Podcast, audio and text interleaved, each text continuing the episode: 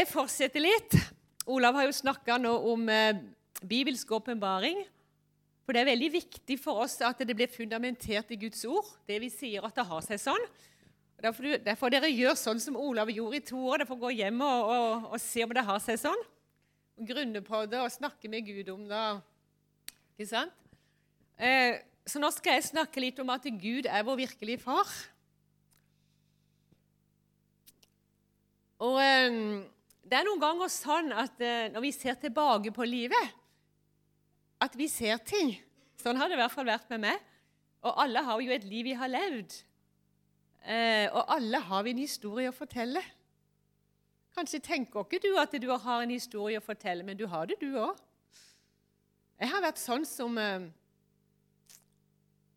Jeg har ikke tenkt så mye. Jeg har aldri hatt så mange spørsmål. Um, jeg tror egentlig jeg har levd veldig enkelt, på en måte. Barnlig. Og det kan godt være òg fordi jeg hadde ei søster som var, var, 14 måneder eldre enn meg. Og hver morgen så hadde hun så mange spørsmål. Og så fortalte hun alt hva hun hadde drømt om eh, natta. Hun drømte så veldig. -huh. Og der satt jeg, vet du. Ikke hadde jeg noen spørsmål, ikke hadde jeg noen drømmer. Og til slutt så tenkte jeg jeg vil også ha noe å fortelle, så da, da koper jeg opp en historie at jeg hadde drømt dit jeg hadde drømt da. Til slutt så må jeg si nei, nå sitter jeg bare her og ljuger, for det var jo ikke sant, da. Eh, men jeg har ikke, jeg har ikke hatt um, noen forståelse av og sett at Gud var min virkelige far. Jeg har aldri satt det inn i en sammenheng uh, som dette vi hører om nå. um, vokste opp i et kristent hjem. Jeg hadde en veldig god mamma og pappa. Jeg vet de var virkelig glad i meg. Det er jo mange av dere som har møtt de òg. Eh, og jeg, jeg, vet at de elsket meg. Jeg vet at de var, de var uh, stolt av meg. Jeg hadde virkelig min fars anerkjennelse, at jeg var godjenta til min pappa. Det har jeg alltid visst. Um, de var leder for Misjon, Misjonsalliansen. Det var en sånn misjonsorganisasjon som var i ja, Det var egentlig landsomspennende, men de var nå i Kristiansand. da. Hadde veldig hjerte for misjonærene som ble sendt ut. Så støttet de og fikk de hjem på ferie. For før i gamle dager så reiste jo misjonærene ut, og de så jo aldri familien. De tok farvel med alt. Så de hadde hjerte for det. da. Så jeg vokste litt opp på sånn husmødre og misjonsmødre. Um, så var det en historie som mamma fortalte meg uh, seinere, som som gjør at jeg forstår at jeg har nok hatt et forhold til Jesus som er veldig lita jente. Um, for en dag så kom jeg inn. Jeg hadde vært bare ute og lekt. Det var en sånn tre-fire år sa mamma. Så slang jeg et banneord på bordet når jeg kom inn. Og uh, Jeg visste ikke helt hva det betydde, så jeg, jeg, jeg bannet. Det jeg hadde hørt ute, så satt mamma to meg på fanget og så fortalte hun hva det betydde. Eh, og når hun sa det, så knakk jeg sa mamma, så begynte jeg å gråte. Uh, og så sier jeg, 'Kan du tilgi meg, Jesus?' Uh, og da må jeg ha hatt en relasjon, for ellers hadde jeg ikke gjort det, tror jeg. Så det var en av de tingene jeg takka mamma og pappa for, at, hadde, at de hadde leda meg inn i en personlig relasjon til Jesus som ei lita jente. Og det har betydd veldig mye for meg. Um, jeg har alltid vært veldig glad i Jesus. Han var min aller aller beste venn. Jeg, sånn som jeg prata med Om absolutt alt så, så prata jeg med Jesus. Han, han, var med meg på alt, liksom. Um, så Jeg vokste opp på det religiøse Sørlandet. Og der kunne du ikke det, du kunne ikke det, du kunne ikke danse, du kunne ikke gå på kino, du kunne ikke øredobber, du kunne ikke ha splitt her, for det var for gutter eller menn, og du måtte ha splitt her, du kunne ikke ha krøller i håret hvis du hadde streit hår. Ikke streite hår hvis hun hadde krøller. Det var jammen litt av hvert å forholde seg til. så en vakker dag så gikk søstera mi og meg til mamma så sa vi, mamma, det er så mange ting vi ikke kan gjøre. Hva er det egentlig vi kan? Ja, for Det hadde vi blitt litt usikre på, da. Uh, og så, Da var min mor vis. Jeg har tenkt på det hva som gikk gjennom hodet på mamma. Hva skal jeg si til jentene mine? Tenk opp som mor sjøl, hvis noen av mine hadde kommet og spurt om det. Så sa hun la oss gå inn på barneværelset. Det var rommet til søstera mi og meg. Vi hadde køysenger. Og så knelte vi ned ved senga, alle tre. Og Jeg kan enda huske at jeg syns mamma lå så lenge. Og Da tenker jeg, jeg lurer på hva som gikk Hjelp, hjelp, hjelp, Jesus, hva skal jeg si? Hva skal jeg si til jentene mine? Eh, men så reiste hun seg opp og så sa hun, jeg føler at Jesus sier det. Det dere kan ta Jesus med dere på, det kan dere gjøre, og resten kan dere la være. Så da tenkte jeg at det var et vist svar. Og det var nok litt det jeg gjorde. Jeg tok med Jesus på alt mulig. Og jeg snakket med han om alt mulig, og han var med meg på tur, og han var med meg på båtturer. og han, ja, Jeg fortalte alt hvordan jeg hadde det til Jesus, og, så han var en veldig god venn. Um, og Det har betydd mye for meg. Og så var han jo min personlige frelser. Jeg hadde jo det forholdet til han. Og så hadde jeg vært mye på bibelkurs med mamma og pappa, så eh, jeg hadde begynt å høre at han var vår kommende brudgom. At jeg, vi skulle som menighet eh, være hans brud. Eh, så det hadde jeg litt forhold til. Eh, men på en måte så trodde jeg jo at jeg kjente Jesus.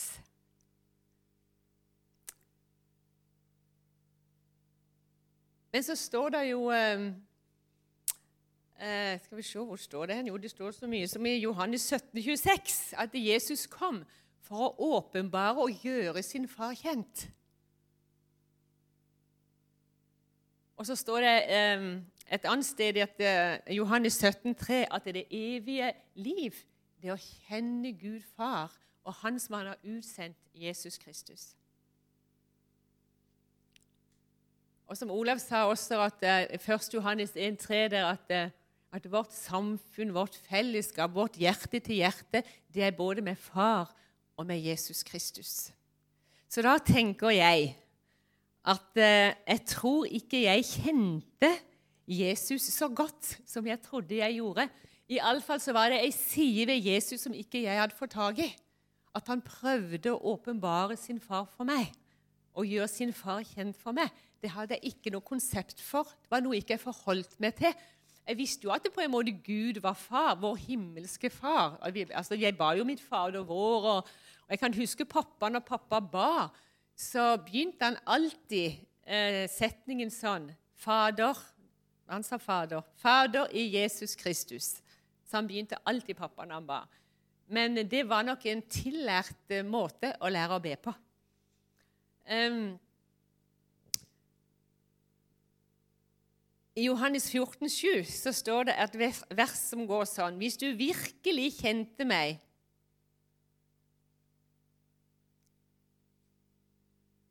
så ville du ha kjent min far også. Og det kjente jeg i mitt hjerte. Ja, det er helt sant, Jesus. Så det har vært ei side av deg som ikke jeg har kjent. Så jeg forholdt meg nok mye mer som Gud, som en skaper. Men Gud, han, eh, det er jo ikke hvem han er, det. Olav har jo sagt at Gud er først og fremst far i identitet. Så jeg forholdt meg først og fremst egentlig til Gud i forhold til hva han gjorde. For jeg var jo veldig bevisst at han var han som hadde skapt alle ting, og han hadde skapt meg. Og... Men så gikk det mange år. Det gikk helt På begynnelsen av 70-tallet så ble jeg en del av Jesusvekkelsen oppe i Molde. Olav snakker jo mye om Jesusvekkelsen her. Jeg var innom her på vei hjem til Kristiansand, hvor jeg var, var født og oppvokst. Men eh, jeg var først og fremst oppe i, Molde og i Ålesund på, under Jesusvekkelsen. Og der fikk jeg jo introdusert Den hellige ånd. Og jeg opplevde nettopp det som Olav sa, når jeg ble fylt med Den hellige ånd og bedt for i forhold til det, åndsdåp som vi kalte det den gangen, så kjente jeg at kjærligheten kom inn i hjertet mitt som jeg aldri hadde opplevd det før. Altså, det var helt sånn påfallende. Himmelen ble blåere, og gresset ble grønnere. Og jeg klarte nesten ikke å holde beina ned på bakken. Jeg danset og hoppet og spratt. Eh, det var noe som kom som ikke hadde vært der før. Eh, så begynte jeg en vandring med Den hellige ånd, men fremdeles hadde ikke noe forhold til far. Og det var jo ikke noe åpenbaring. Det var ikke noen som snakket om at Gud var vår virkelige far. Ikke i mine kretser, ikke under Jesusvekkelsen og heller ikke på Sørlandet. Så Det var aldri noen undervisning eller noe i menigheter om det. Så det gikk helt opp til 94, um, til jeg kom til Toronto, uh, at, de, uh, at, jeg begynte å høre om at Gud uh, ville komme og være far for oss. Jeg kan huske John Arnold han kalte det for 'the father's blessing', fars velsignelse, når den vekkelsen kom. Og at jeg vil være far for dere. Og det var jo en helt ny tankegang. Og jeg vet at Det er ikke bare meg som opplever at når, når, når, det kommer, at Gud er far, så på en måte hele teologien ble liksom rysta. Det er som om vi må på en måte Alt må liksom opp i lufta igjen og lande. Uh, det, og det måtte på en måte litt det med meg òg. For uh, en skal jo liksom få plassert det i sitt eget hjerte når det kommer. Um, og jeg syntes ikke det var så vanskelig å begynne å forholde meg til Gud som far. Og Det tror jeg har med å gjøre, noe av det Olav har sagt. Og vi skal snakke mer om det på neste onsdag. Eh, at eh, jeg har hatt en god far som jeg visste var glad i meg. Han sto opp for meg, han beskyttet meg. Så jeg var så såra i farsrelasjonen. Han var ingen fullkommen mann, men jeg var utrolig glad i han. Eh, men han hadde gitt meg noe av det grunnleggende hjertet som jeg trengte for å være trygg. Eh, så Derfor var det ikke så vanskelig for meg på en måte å skulle begynne å relatere meg som, eh, som datter til Gud, min far. For jeg tror at jeg hadde fått bevart datterhjertet til min jordiske far. Når vi var oppe i Jesusvekkelsen i Molde så eh, jeg kan huske Vi drev jo utrolig mye med, med, evangelisering og husbesøk. altså Jeg banka på halve Moldes dører. Det var liksom sånn det var. Og det var jo mange folk som ble frelst ved det òg. Vi husker vi hadde med oss boker, men så var det alltid tre spørsmål som vi stilte. Og de var 'Hvor kommer du fra?' Altså med andre ord, hvor har du røttene dine? Hvor er det du kommer ut ifra? Hvem er du? Hva er din identitet? Og hva er hensikten med livet? Hvorfor lever vi? Det var de tre hovedspørsmålene vi alltid stilte.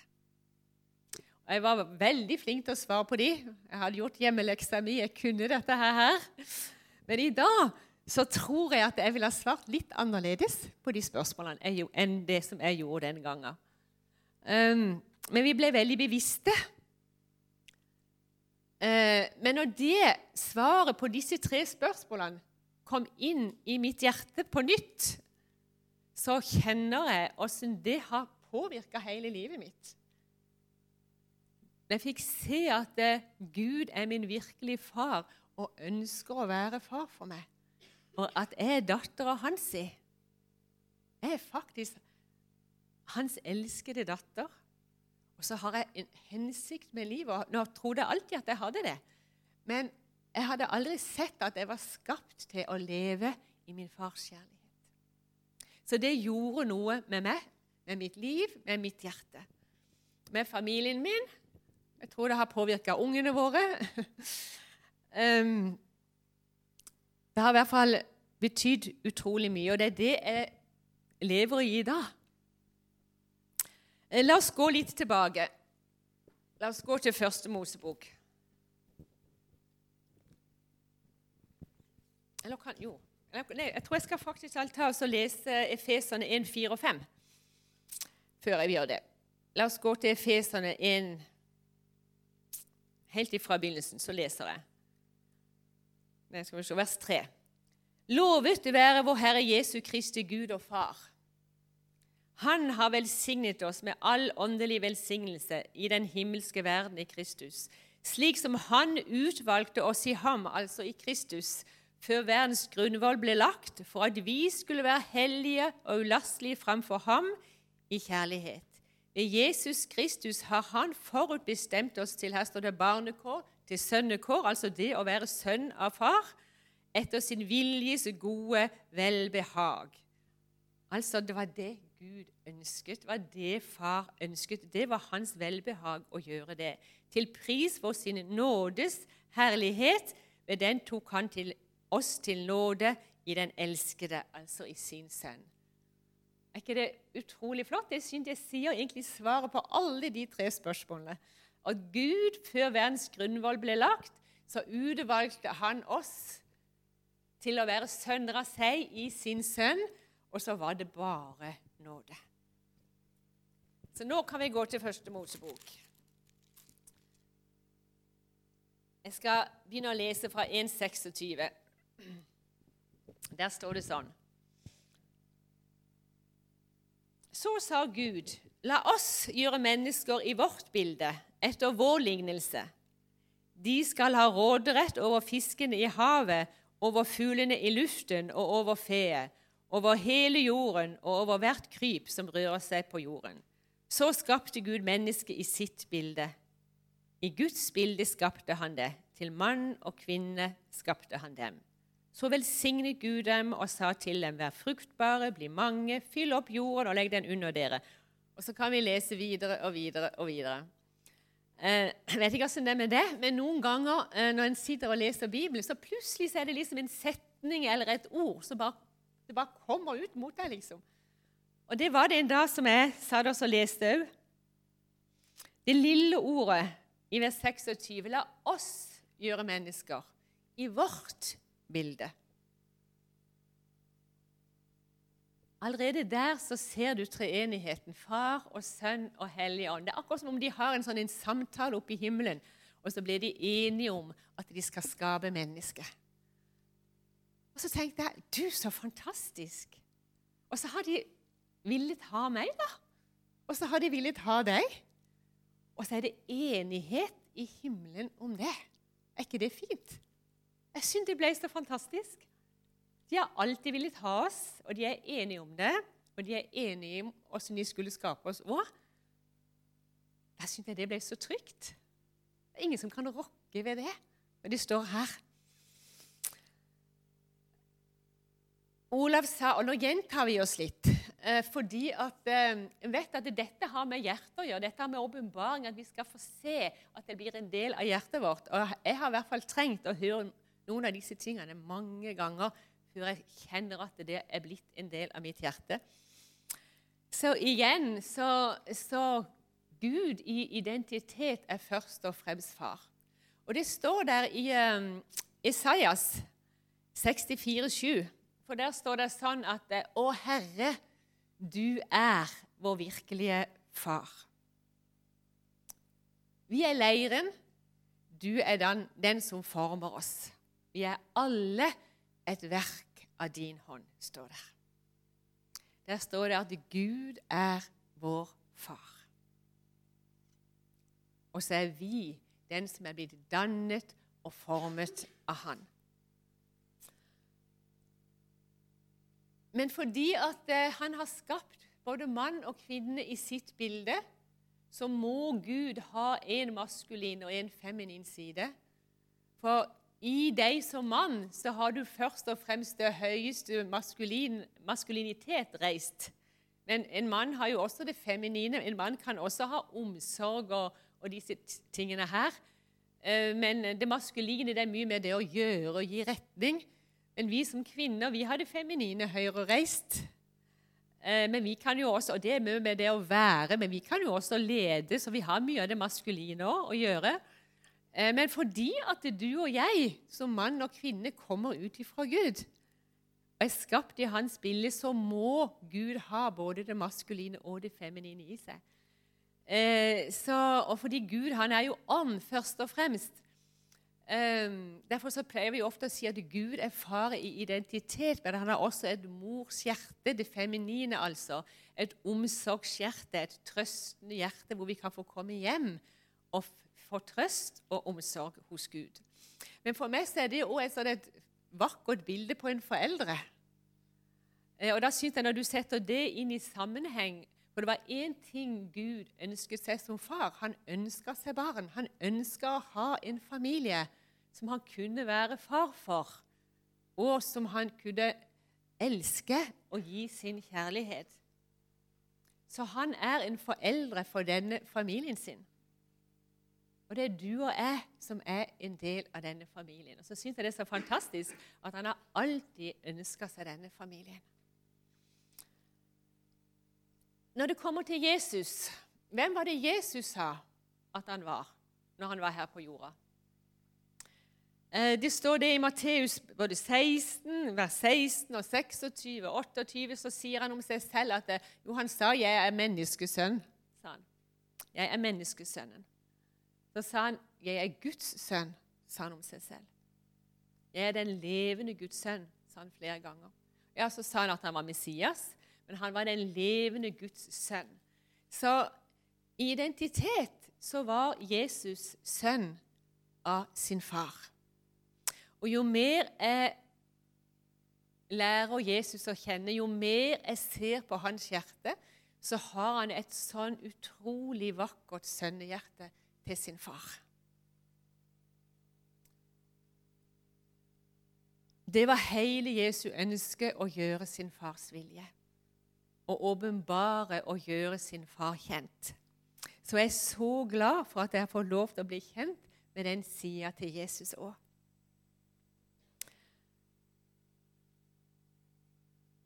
Jeg tenker noen ganger på Jeg har fem gutter. Han ene skjønne sitter nedpå her, da. Sondre. Um, jeg er så takknemlig for gutta mine. Jeg er så stolt av dem. Er de fullkomne? Nei, for de kommer ut fra Olav og meg. Vi er ikke heller. Men jeg er utrolig glad i det, Sondre. Um, så tenker jeg at jeg ønsket meg en familie. Uh, og jeg syns jeg var modig som fikk fem. Det var ikke så, det er kanskje mer vanlig enn ikke den gangen at vi hadde unger. Det var ikke, var ikke, så mange som hadde fem da. Um, men i alle fall så tenker jeg på Gud. Og mange barn han må ha ønsket seg. Tenk på alle de som har levd før oss, alle de som lever i dag. Alle de kommende generasjoner. Alle kommer vi ut ifra Gud, vår far, fra hans hjerte. Han har villet ha hver eneste en av oss.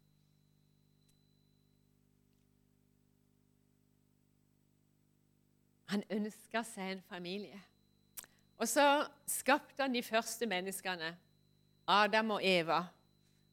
Fra begynnelsen så ble de kalt ikke og Isha, og det betyr rett og slett mann og manninne. De var ett. Det hadde ikke vært noe atskillelse. Det var først eh, etter syndefallet at eh, Adam kalte sin kone for Eva, for da hadde det vært en atskillelse. Da fikk de, fikk de forskjellige navn. Men før så var det mann og manninne. Det kan du se i, i 1. Mosbok 3,20. Men i alle fall historien om skapelsen eh, Det er et utrolig uttrykk synes jeg, for Guds hjerte, hva han egentlig ønsket, hvordan han ønsket å ha det.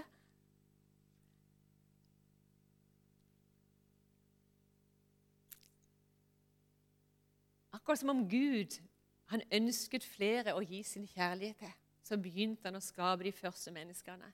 Og så ga han dem et hjem, Edens hage, hvor de skulle få være, hvor han kunne være far for dem. Og Der var de nakne og bare. og da jeg synes Det er sånn et flott bilde på at de levde hjerte til hjerte med sin far.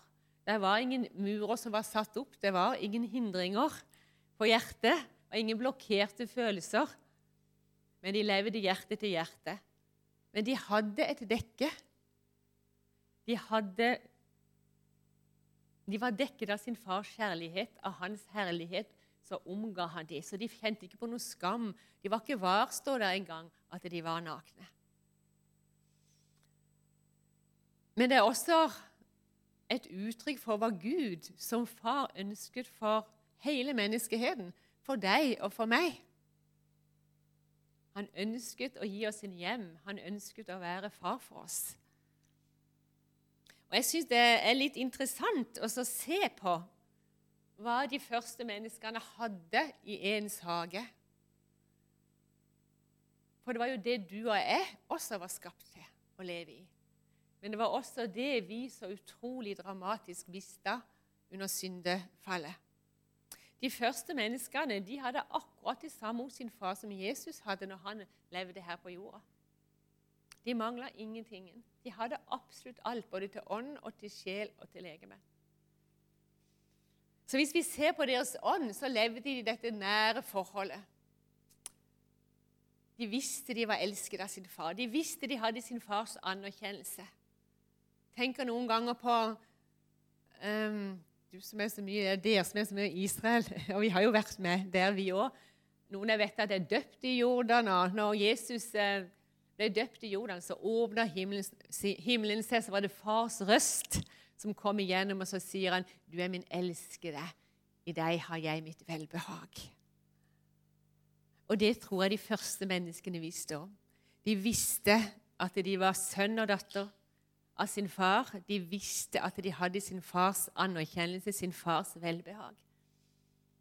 De visste når de så, tror jeg, inn i øynene på sin far at ja, han elsker meg, han er så stolt av meg. Jeg kan huske mange ganger når jeg var med min far på, på båtene. Han, han, drev og jobba med båter.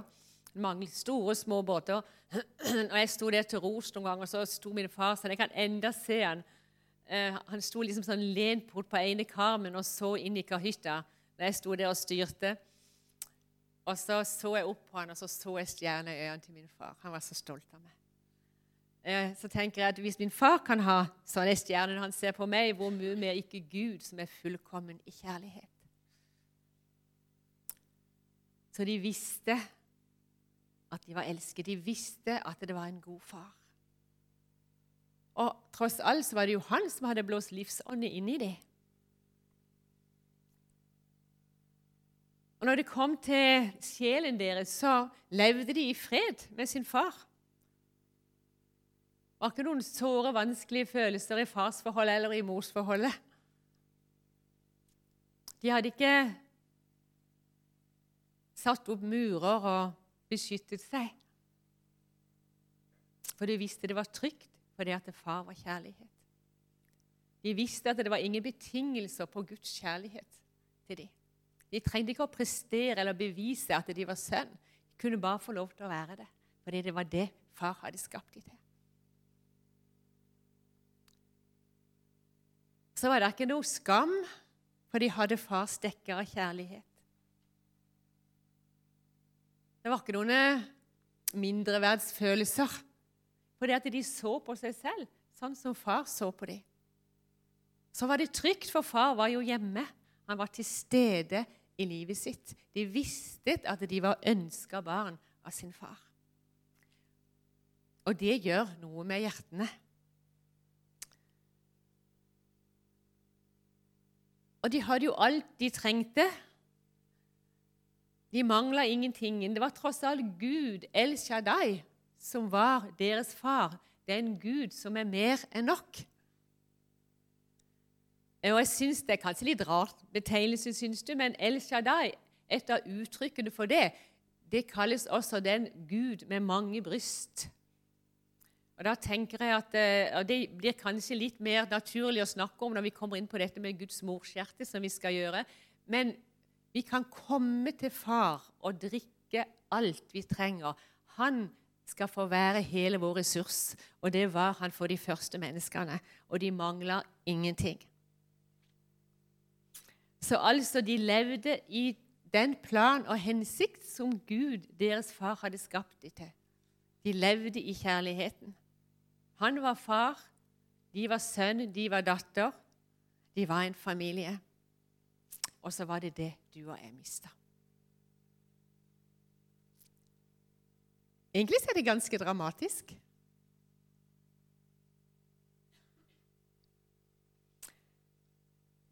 Hvis vi går litt lenger nedover så i, i Mosebøkene, så, så, så, begynner jo Gud å skape universet. Han skaper fuglene, han skaper plantene, trærne, dyrene naturen på en måte Guds første bok, hvis vi kan si det sånn. Ikke, er, det står at vi er uten unnskyldning, for vi kan gå ut og se naturen og vite at det, det er en Gud. Er så, vi har et utrolig vakkert land, dere. Det er så nydelig. Og nå reiser vi rundt hele verden. Det er mye, mye flott andre steder òg, men det er så variert i Norge. vi har et fantastisk land. det er en stor velsignelse å få vokse opp i Norge. Men i alle fall eh, Mitt favorittdyr, det er sjiraffen. Eh, jeg er så glad i sjiraffen. Nylig nå har jeg fått vært en del på Masai Mara i, uh, i, Afrika, i Kenya. Det er flere av dere som har vært med der. på Masai Mara. Og det er masse sjiraffer. Uh, et rikt dyreliv. Og jeg, er utrolig glad i både ville dyrene De kan jo ikke akkurat kose med, men jeg er veldig glad i dyr ellers òg dyr som er temmet. Jeg, jeg savner dyr på Stubberud. Men jeg har Tom Anders, naboen vår, har fått hest og litt sau og en gris og høner. Så det hjelper på. Um, men um, for mange mange år siden jeg var 15 år, så jobba jeg i Dyreparken i Kristiansand. Og da falt jeg pladask for sjiraffen. Jeg kom egentlig litt for nær. Jeg var ikke vant til å mate dyra, men så var de som gjorde det sjuk, så spurte han Måseide, som, hadde, som startet Dyreparken i Kristiansand, men kan ikke du ta bare mate dyrene i dag? da? Jo da, det kan jeg gjøre. vet Du du, du vet ikke egentlig hva du sier ja til for noe. Eh, men jeg sa nå ja, da, så jeg gikk nå inn til sjiraffen. Altså, jeg visste ikke at sjiraffen hadde så lang tunge. Hun er i hvert fall sånn. Og jeg kom litt fornærmet, så så jeg inn i to knallbrune øyne med skikkelig lange øyevippene, og så kom hele tunga ut, så slikka meg over hele fjeset. Og da falt jeg pladask for sjiraffen. Og så var det en av de andre uh, dagene så skulle jeg mate Vi hadde akkurat fått inn 22 kameler. Når kameler er sultne, så er det jo med alle dyr. Så blir de litt ivrige. Så det at jeg hadde fått en stor, hvit dunk full av brød og Så åpner jeg døra, og så var det meninga at jeg skulle tømme alt dette her oppi troa deres. for sånn en lang tro. Men det rakk jeg ikke, for der kommer 22 kameler løpende mot meg, og så løper de med beina utover. Det er egentlig litt snålt, da. Og jeg ble helt stiv fra tærne opp. Jeg var helt stiv, jeg bare sto og blunda og holdt denne her dunken til de hadde spist opp alt brød der og da. Så det, så, men det er nydelig, da. Gud har et mangfold av hva han har skapt. Noen er festlige, noen er søte, noen er morsomme, og jeg vet ikke alt. Eh, men det er et utrolig skaperverk. Men tenk på den autoriteten han skapte. Så sa han ut ordet, og så ble det sånn. For en myndighet, for en autoritet. Men vi, vi syns det var fantastisk. Hvor mye mer ikke når Gud skapte mennesket. Hvis vi leser videre i 1. Mosebok 2,7, så står det at um, Og Herren formet mennesket, står der av jordens støv, og han blåste livets ånde inn i hans nesebor, og mennesket blei til en levende sjel.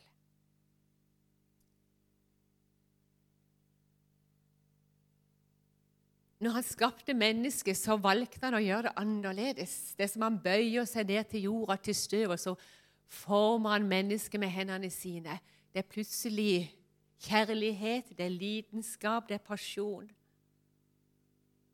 så står det at han bøyde seg ned og blåste livsånden inn gjennom neseboret til mennesket. Det er noen av dere som har møtt James John fra New Zealand. Han pleier å si det. Hvor langt ned tror du du må når mennesket ligger der formet? Hvor langt må du ned? Det var jo ikke noe liv i han. Hvor langt ned må du ned? Det var som om Gud bøyde seg ned til jorden, til mennesker, og så kysset hun det til livet. Og når det første mennesket ser inn i fars øyne Tenk på det å se inn i øynene til noen som har en fullkommen kjærlighet. Jeg tror at eh, han der og da fikk identiteten på plass. Han visste 'Jeg er din elskede sønn. Jeg har en far'. Så det første mennesket var skapt ut fra den kjærligheten som var i farskjertet. Men vet du noe?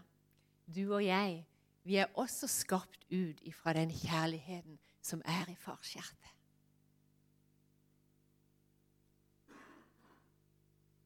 Jeg vet ikke hva du kommer ut ifra. Jeg kjenner ikke alle. Men jeg vet en ting, og det er at det må en mor og far til å skape et barn. Så alle har vi en fortid. Alle kommer vi ut ifra en mor og en far. Og så sitter vi her på stolen i dag, og så er det ikke sikkert at alle føler oss som sånn kjærlighetsbarn. Det er så mange av oss som har fått budskap til hjertet vårt som vi var aldri ment til å ha. Vi kan kjenne på avvisning, ikke ønsket. Kanskje var det for mange i søskenflokken, og ikke minst i gamle dager når de kunne være fra 7 til 12-13 unger. Kunne de, var det vanskelig å finne plassen sin kjenne seg elsket.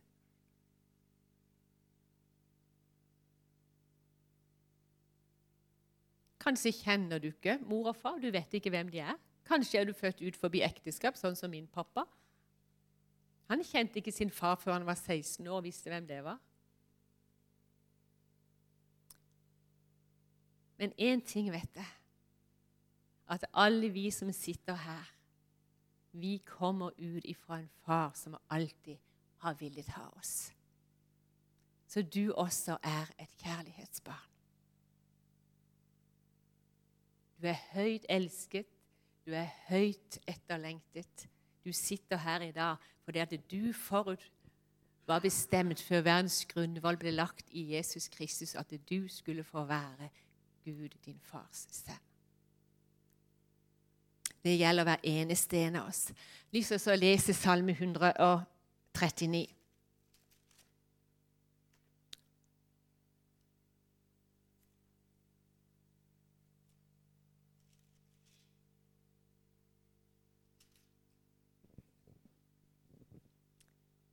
fra vers 13. For det er du som hadde mine nyrer i eie, du vevde meg sammen i min mors liv. Jeg vil prise deg, for ved fryktinngytende gjerninger så er jeg blitt et underverk. Underfulle er dine gjerninger, og min sjel vet det så vel. Mine bein var ikke gjemt for deg da jeg ble dannet i det skjulte og kunstferdig knyttet sammen i mors liv. Som foster så så dine øyne meg, og i din bok var de alle skrevet ned, de dager som var fastlagt for meg, før en eneste av dem var kommet. Hvor uutgrunnelige dine tanker er for meg, o Gud, hvor veldig er summen av dem. Skulle jeg telle dem, er de mer tallrike enn sand. Når jeg våkner, så er jeg fortsatt hos deg.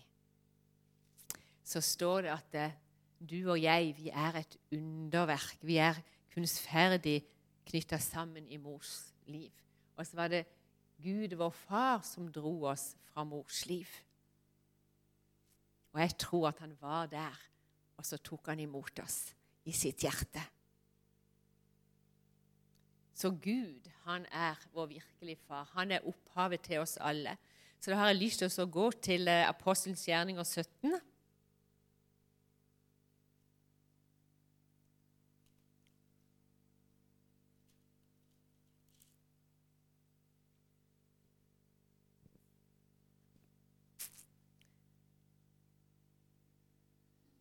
22. Det er Paulus som er i Aten. Um, der var det mange religiøse menn. De var jo ikke troende, men, uh, men de var uh, religiøse. Og Så gikk de nå rundt der, da, og så der var det et alter som det sto en innskrift på. Det står 'Til en ukjent Gud'. Stod der. Um, og så sier Paulus at uh, dere tilber en uten å kjenne ham. Han er det jeg forkynner dere. Og Så kan vi lese videre fra vers 24 at det er Gud som gjorde verden og alt som er i den, bor ikke templer gjort med hender, siden han er over himmel og jord. Han kan heller ikke tjenes av menneskehender som om han skulle trenge noe.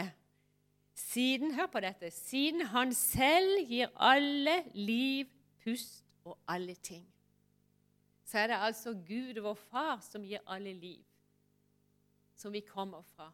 Det er Han som blåser livsånde inn i oss alle. Så står det at han har gjort hvert folkeslag av ett blod og latt dem bo over hele jorden, og har fartsatt deres forutbestemte tider og grenser for deres bosteder. For at de skulle søke Herren i håp om at de kunne famle seg fram til ham og finne ham, selv om han er ikke langt borte, fra en eneste en av oss. Så er det altså Gud, vår Far, som har fastsatt tider og sted for oss. Så er det ikke noen tilfeldighet at vi er vokst opp og født i Norge. Jeg tror ikke det er noen andre nasjonaliteter. Er det det? Må du gi det til kjenne. Men jeg tror ikke det. Så var det det som Gud bestemte.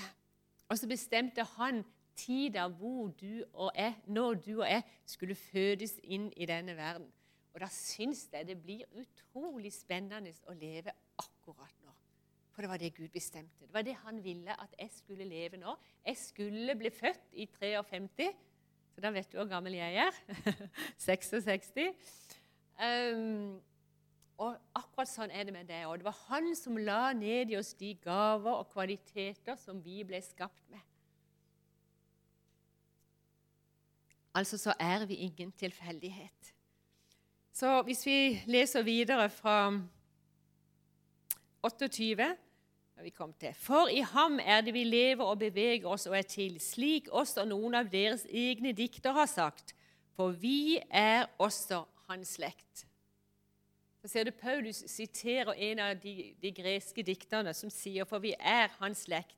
Og Nå taler han til ikke-kristne menn. Eh, og så sier han allikevel i vers 29.: Siden vi altså er Guds slekt, sier han til disse folkene. Han sier 'vi'. Vi er Guds slekt. Hvordan kunne han si det når ikke de var troende? Og det er fordi at alle kommer vi ut ifra Gud, vår far. Men når det er sagt, så er det ingen annen vei hjem igjen fordi vi mistet alt, enn gjennom Jesus Kristus. Det er der frelsen ligger, og det finnes ingen annen vei til frelse enn gjennom Jesus Kristus. For å komme hjem og leve i en relasjon som sønn og datter til Gud, vår far. Så står det jo i Efeserne 2,10 at vi er Hans verk, skapt i Kristus Jesus. står det. Det står et annet vers i Johannes 17, 17,6, da Jesus sier til sin far, 'Far, de var dine, men så ga du de til meg.' Så det er Gud som er vår virkelige far. Men så vet vi vi vet at det skjedde noe.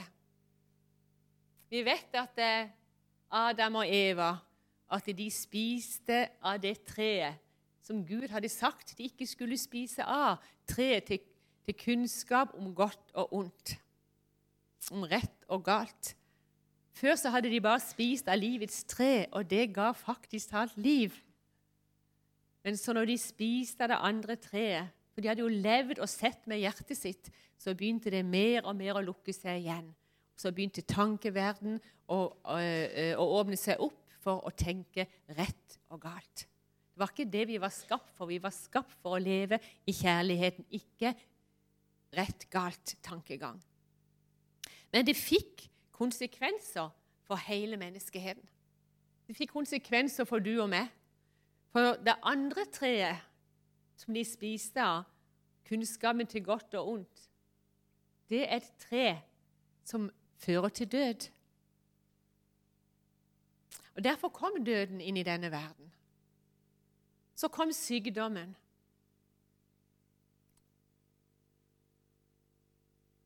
Så kom skammen. Alt dette som vi sliter med i verden i dag, kom inn via syndefallet. Og det tragiske var at det, nå mista de sin far. Da hadde de fått problemer i mors- og farsforholdet sitt. Nå måtte de klare seg sjøl. De ble rett og slett farløse.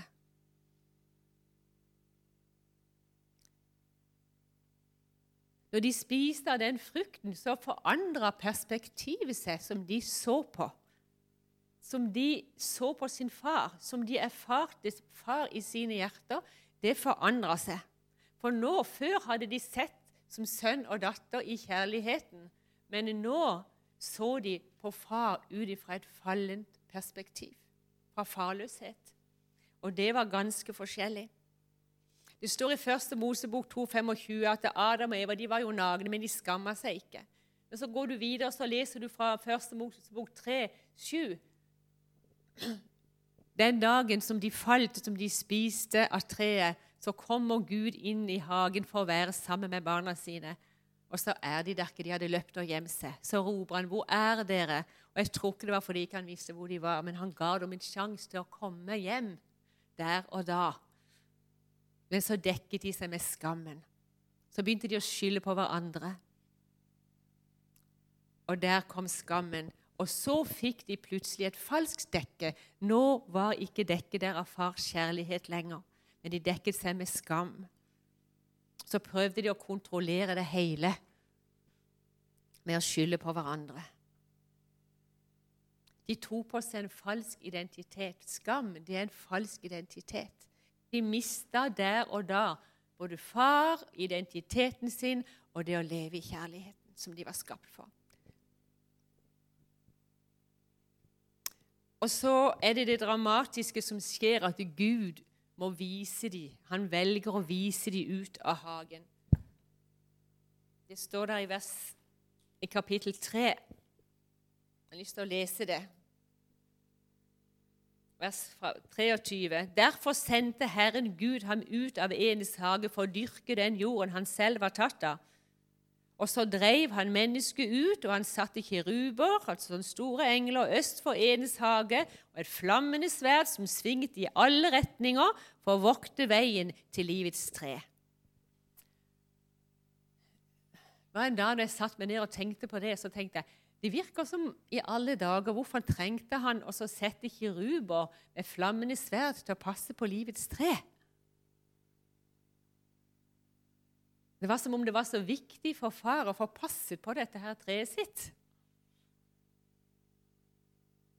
Og så syns jeg en annen ting var litt rart. Jeg er mor til fem, og jeg skulle ha kasta de ut av hjemmet mitt, så hadde det ødelagt mitt hjerte. Det hadde jeg bare ikke takla.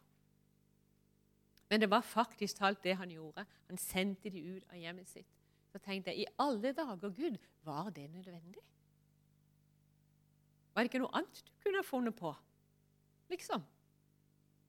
Men så står det i vers 22 Se, mennesket er blitt som en av oss til å kjenne godt og ondt, bare han nå ikke rekker ut hånden og eter av livets tre, så han lever evig. Da så jeg plutselig Wow, for en far vi har. For en kjærlig far. For en omsorgsfull far. For hvis mennesket nå må du huske at nå hadde de spist av kunnskapens tre til godt og ondt, som, levde, som, som eh, leda til død. Nå hadde de blitt en del av synden. Og hvis de nå kom inn i enes hage igjen og begynte å spise av livets tre, så ville de ha levd for det var det treet som du levde evig. Så ville de i hele evigheten levd i en syndfull natur. Og da ville menneskets håp å komme hjem og ha en familie, ha en far og leve i kjærligheten vært ute. Ser du kjærligheten? Noen ganger så tenker jeg kjærligheten kan være smertefull. Det måtte vært utrolig smertefullt for Gud å sende barna sine ut. Men det gir et bilde. Vi ser at far stoppet aldri å elske barna sine. Han hadde et langt høyere mål. Det var smerte en stund, men det var for at vi en dag i hans sønn skulle få komme hjem igjen til en far som elsker oss.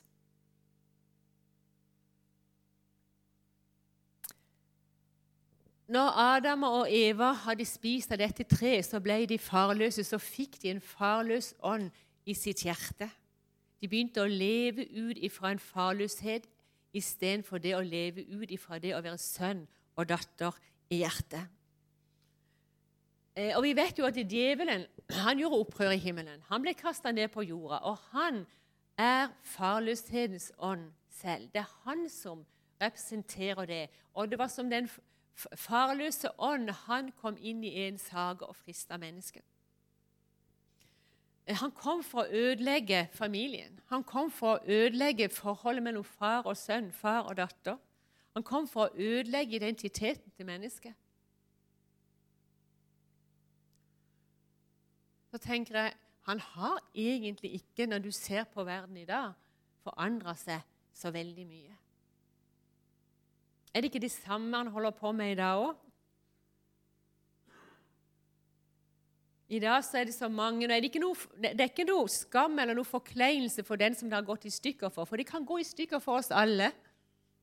Det kan det virkelig. Men det var ikke sånn vi var skapt for. Det var ikke sånn det var ment å være. Det var ikke det Gud hadde tenkt vi skulle oppleve å leve i. For i dag så er det blitt mine barn, og så er det dine barn, og så kommer man sammen igjen etter en skilsmisse, så blir det våre barn, og så blir det bonusbarn. Og det er ikke så lett for disse barna alltid å finne identiteten sin. Og mange kjenner ikke far. Far er ikke til stede lenger, de blir ikke fedret. Eh, så fienden har virkelig fått klusset til i mange familier. Men så er det alltid en gjenopprettelse når vi vender oss til Gud. Det er så godt. Det som du kan høre dette ropet i Gud, fars hjerte. Og så skal jeg få barna mine hjem igjen? Det var hele det ropet far hadde i hjertet sitt. Og derfor sendte han de ut.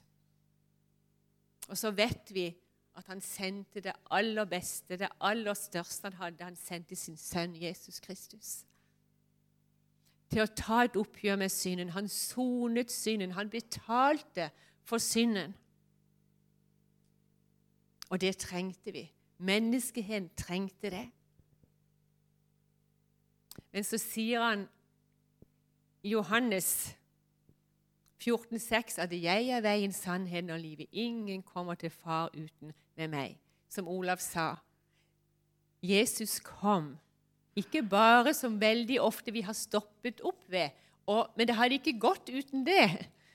Men det som var så mye mer Jesus kom for. Han kom for å bringe oss tilbake til Gud vår Far. Han kom for å kjøpe oss tilbake til vår Far. For vi jo vi kom jo fra han, vi var hans eiendom. Det var han som hadde skapt oss, og vi tilhørte far i utgangspunktet.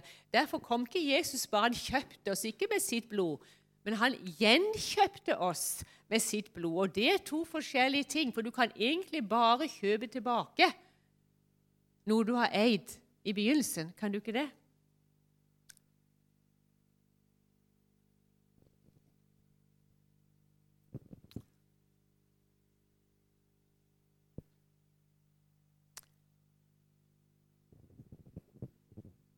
Første Peter 1.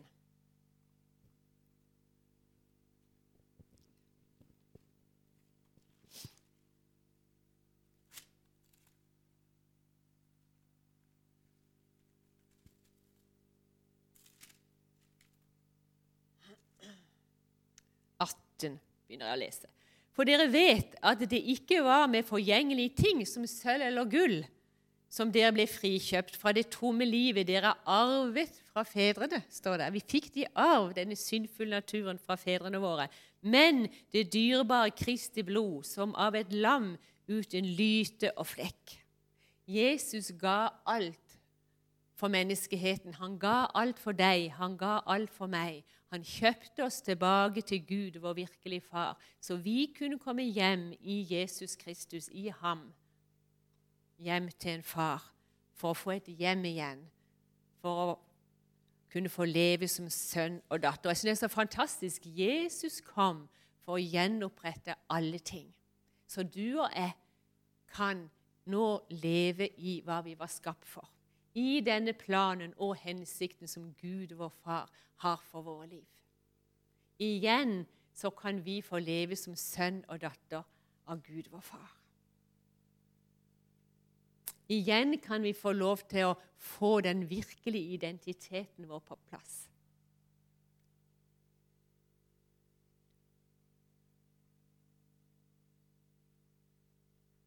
Du vet at eh, det var egentlig den vanlige fødselen vår som var beredt på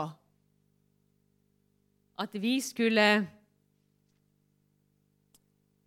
komme inn i Guds velsignelse og leve i det vi var skapt for. Men så mista vi jo det.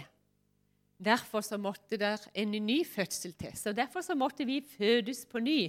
Og det er jo det vi kaller det å bli frelst. Å fødes på ny. Men mange av oss så, så lever vi som foreldreløse enda. Jesus har gjenopprettet alt, men livet har gjort ting med hjertene våre.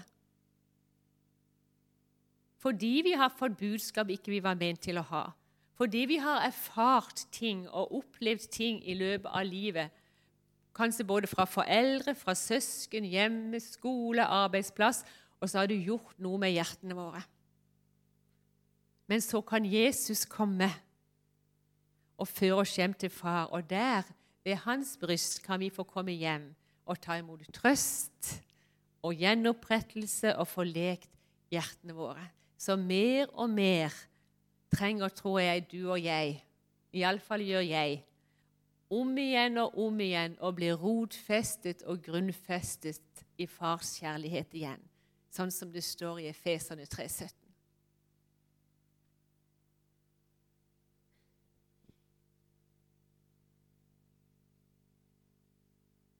Helt til slutt så har jeg lyst til å bare dele et vitnesbyrd med deg som jeg opplevde for en del år siden.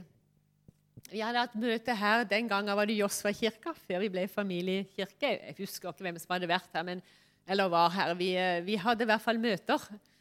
Så mange av dere var der. Eh, så når jeg kom hjem, da, så vet ikke hvordan det er med deg, men noen ganger når jeg kommer hjem fra møtet, så blir jeg så høy. Jeg kommer liksom ikke helt ned igjen. Jeg trenger å ta en liten stund. Så når jeg hadde lagt meg, så lå jeg nå der. Og så bare snakka med Gud, og jeg tilba Gud og, og var nå der. Plutselig så kommer Gud til meg. Da var det så tydelig han kom som min far. Og så sier han til meg at uh, Unni Og jeg elsker når han nevner navnet mitt, for han kjenner meg. Så sier han, Unni, jeg tok av min egen natur, og så la jeg det ned i deg. Det var som de sa boom inni hjertet mitt. Det bare sprengte på. Gud tok av sin egen natur, og så la han noe av det ned i meg. Og jeg bare knakk sammen. Jeg begynte å grine, og så begynte jeg å le. Og Så grein jeg, og så lo jeg om hverandre. Jeg lå ganske lenge sånn. Så kom han igjen, og så sier han Unni, jeg tok av min egen natur, min egen personlighet, så la jeg det ned i deg. Det er noe av meg som vokser og gror i deg. Og så fortsetter han, og så sier han, 'Du kom ifra meg, og du tilhører meg. Du er dattera mi. Du tilhører min familie', sa han. Og så sier han, 'Unni, du er den som jeg elsker'. Og vet du, Det gjorde noe med hjertet mitt. Jeg kjenner bare at jeg sier det, så gjør det noe med meg. Det er en sånn far jeg har. Ei sånn lita, ufullkommen jente som Unni kan få bli elsket av en far som aldri stoppet å elske meg. Selv om jeg så mange ganger har vendt meg bort, ikke har sett, ikke har forstått, så har han aldri gitt meg opp.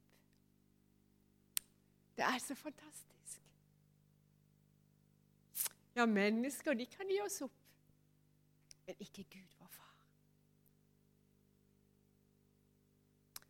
Hans hjerte har aldri forandra seg når det kommer til meg. Han elsker meg like høyt som den dagen han skapte meg, og som han planla meg i sitt hjerte. Jeg er fremdeles hans elskede. Og vet du noe? At du kan bare egentlig sette inn ditt navn.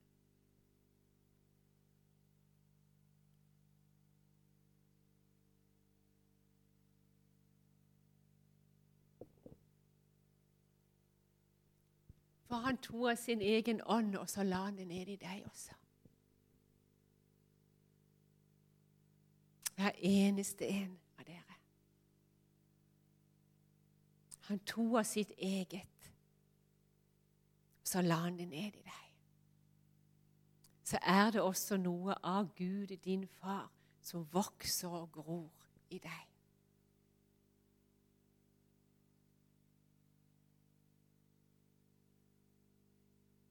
Du kommer også fra Han.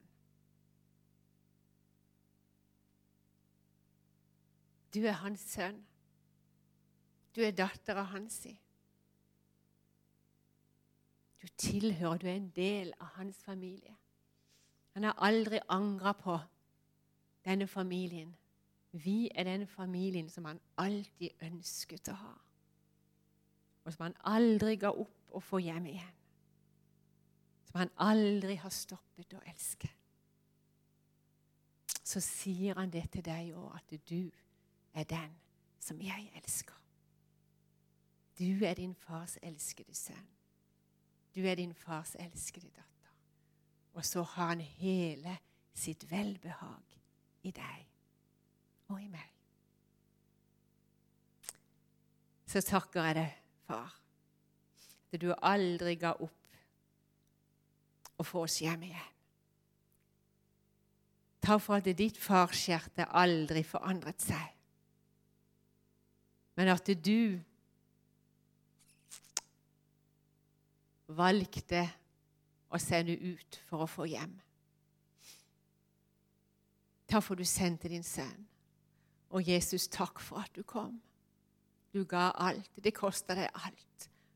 Takk for det nydelige sønnehjertet som du har til din far. At du holdt ikke noe tilbake for din far. Du ga det alt.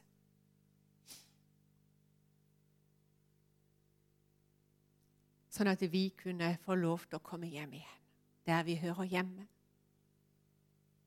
Så ber jeg Det Hellige Ånd at du må fortsette å rotfest oss og grunnfest oss og gjør det verket i våre hjerter som hver enkelt av oss trenger. Det kan være så forskjellig hva vi trenger. Men takk for at det er ditt verk, det er du som skal gjøre det. Takk for at vi slipper å dra oss etter hårene. At vi kan få lov til å være oss selv, og så bor du i vårt hjerte. Så må du fortsette, Jesus, å åpenbare og gjøre din far kjent for oss sånn at vi kan lære han å kjenne for hvem han virkelig er. Så takk, far, for at du også vil gjøre din sønn kjent for oss mer og mer og mer.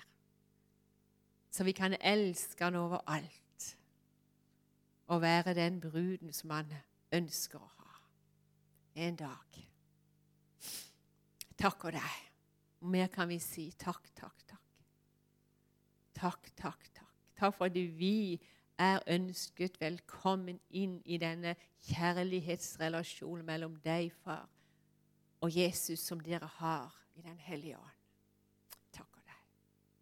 Takk for at vi kan få leve i kjærlighet. Så hjelp oss til å ta imot din kjærlighet om igjen og om igjen og om igjen og om igjen gjennom hele dagen, far så vi kan rotfestes og grunnfestes og leve i hva vi var skapt for. Amen. Så tenkte jeg at eh, helt sånn til slutt, så er litt tid igjen, så kan vi bare sitte her og være litt stille. Så hadde jeg lyst til å bedt Arnfinn at han kan kjøre Guds farskjærlighetsbrev for oss. For jeg syns det er et sånn et uh, brev fra vår himmelske far som Berry Adams har laget, en god venn av oss fra Canada som eh, parafraserer bibelvers om hvem Gud er. Så Det er så godt å bare sitte og høre på det, så vi kan bli trygge på hvem Gud er som far i våre hjerter. Så sier vi bare med det takk for denne dagen. Takk for at du kom. Og så er det på onsdag klokka sju igjen.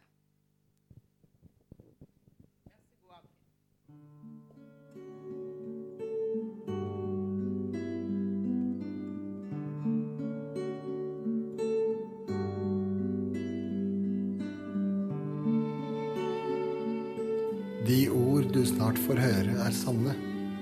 De vil forandre livet ditt hvis du tillater det. For de kommer rett fra Guds hjerte. Han elsker deg, og han er den far du har søkt hele ditt liv.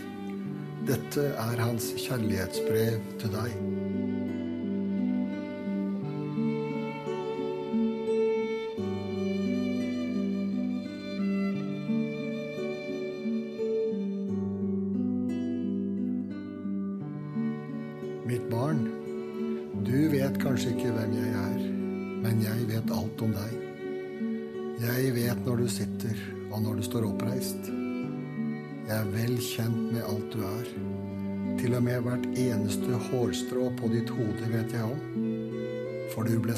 Mitt bilde.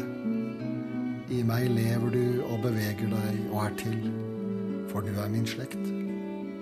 Jeg kjente deg allerede fra før du ble unnfanget. Jeg tenkte på deg da jeg planla skapelsen. Det var ikke en feiltagelse, for alle dine dager er skrevet opp i min bok Jeg fastsatte den eksakte tiden for din fødsel og hvor du skulle bo. Du er skremmende og vidunderlig skapt.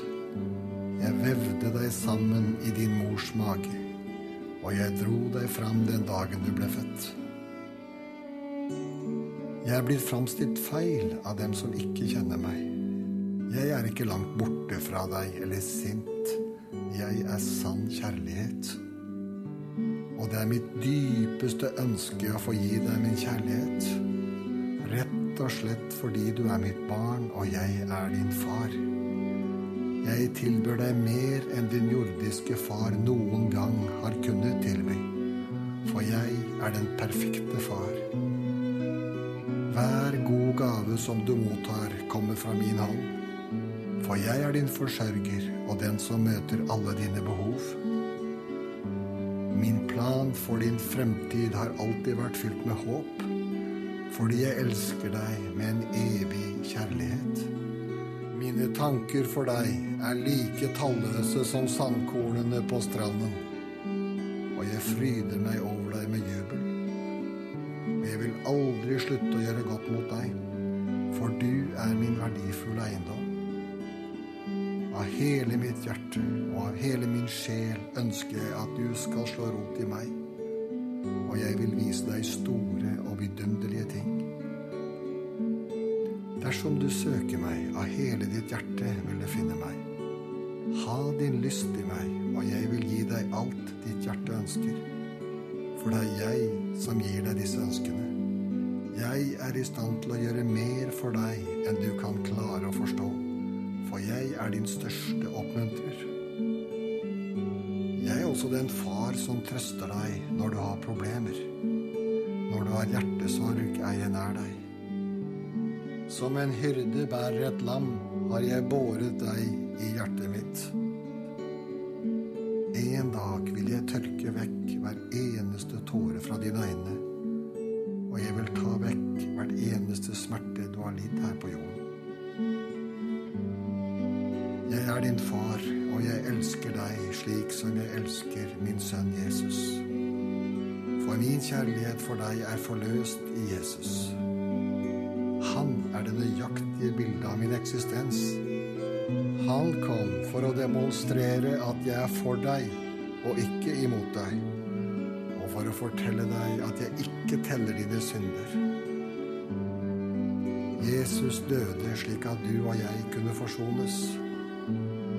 Hans død er det fullkomne uttrykk for min kjærlighet til deg. Jeg ga opp det jeg elsket, for å prøve å få din kjærlighet. Dersom du mottar min sønn Jesus som gave, da mottar du meg. Og ingenting vil noen gang skille deg fra min kjærlighet igjen. Kom hjem, og jeg vil holde det største selskapet himmelen noen gang har sett. Jeg har alltid vært far, og vil alltid være far. Mitt spørsmål er, vil du være mitt barn? Jeg venter på deg. Kjærlig hilsen din himmelske Far, den allmektige.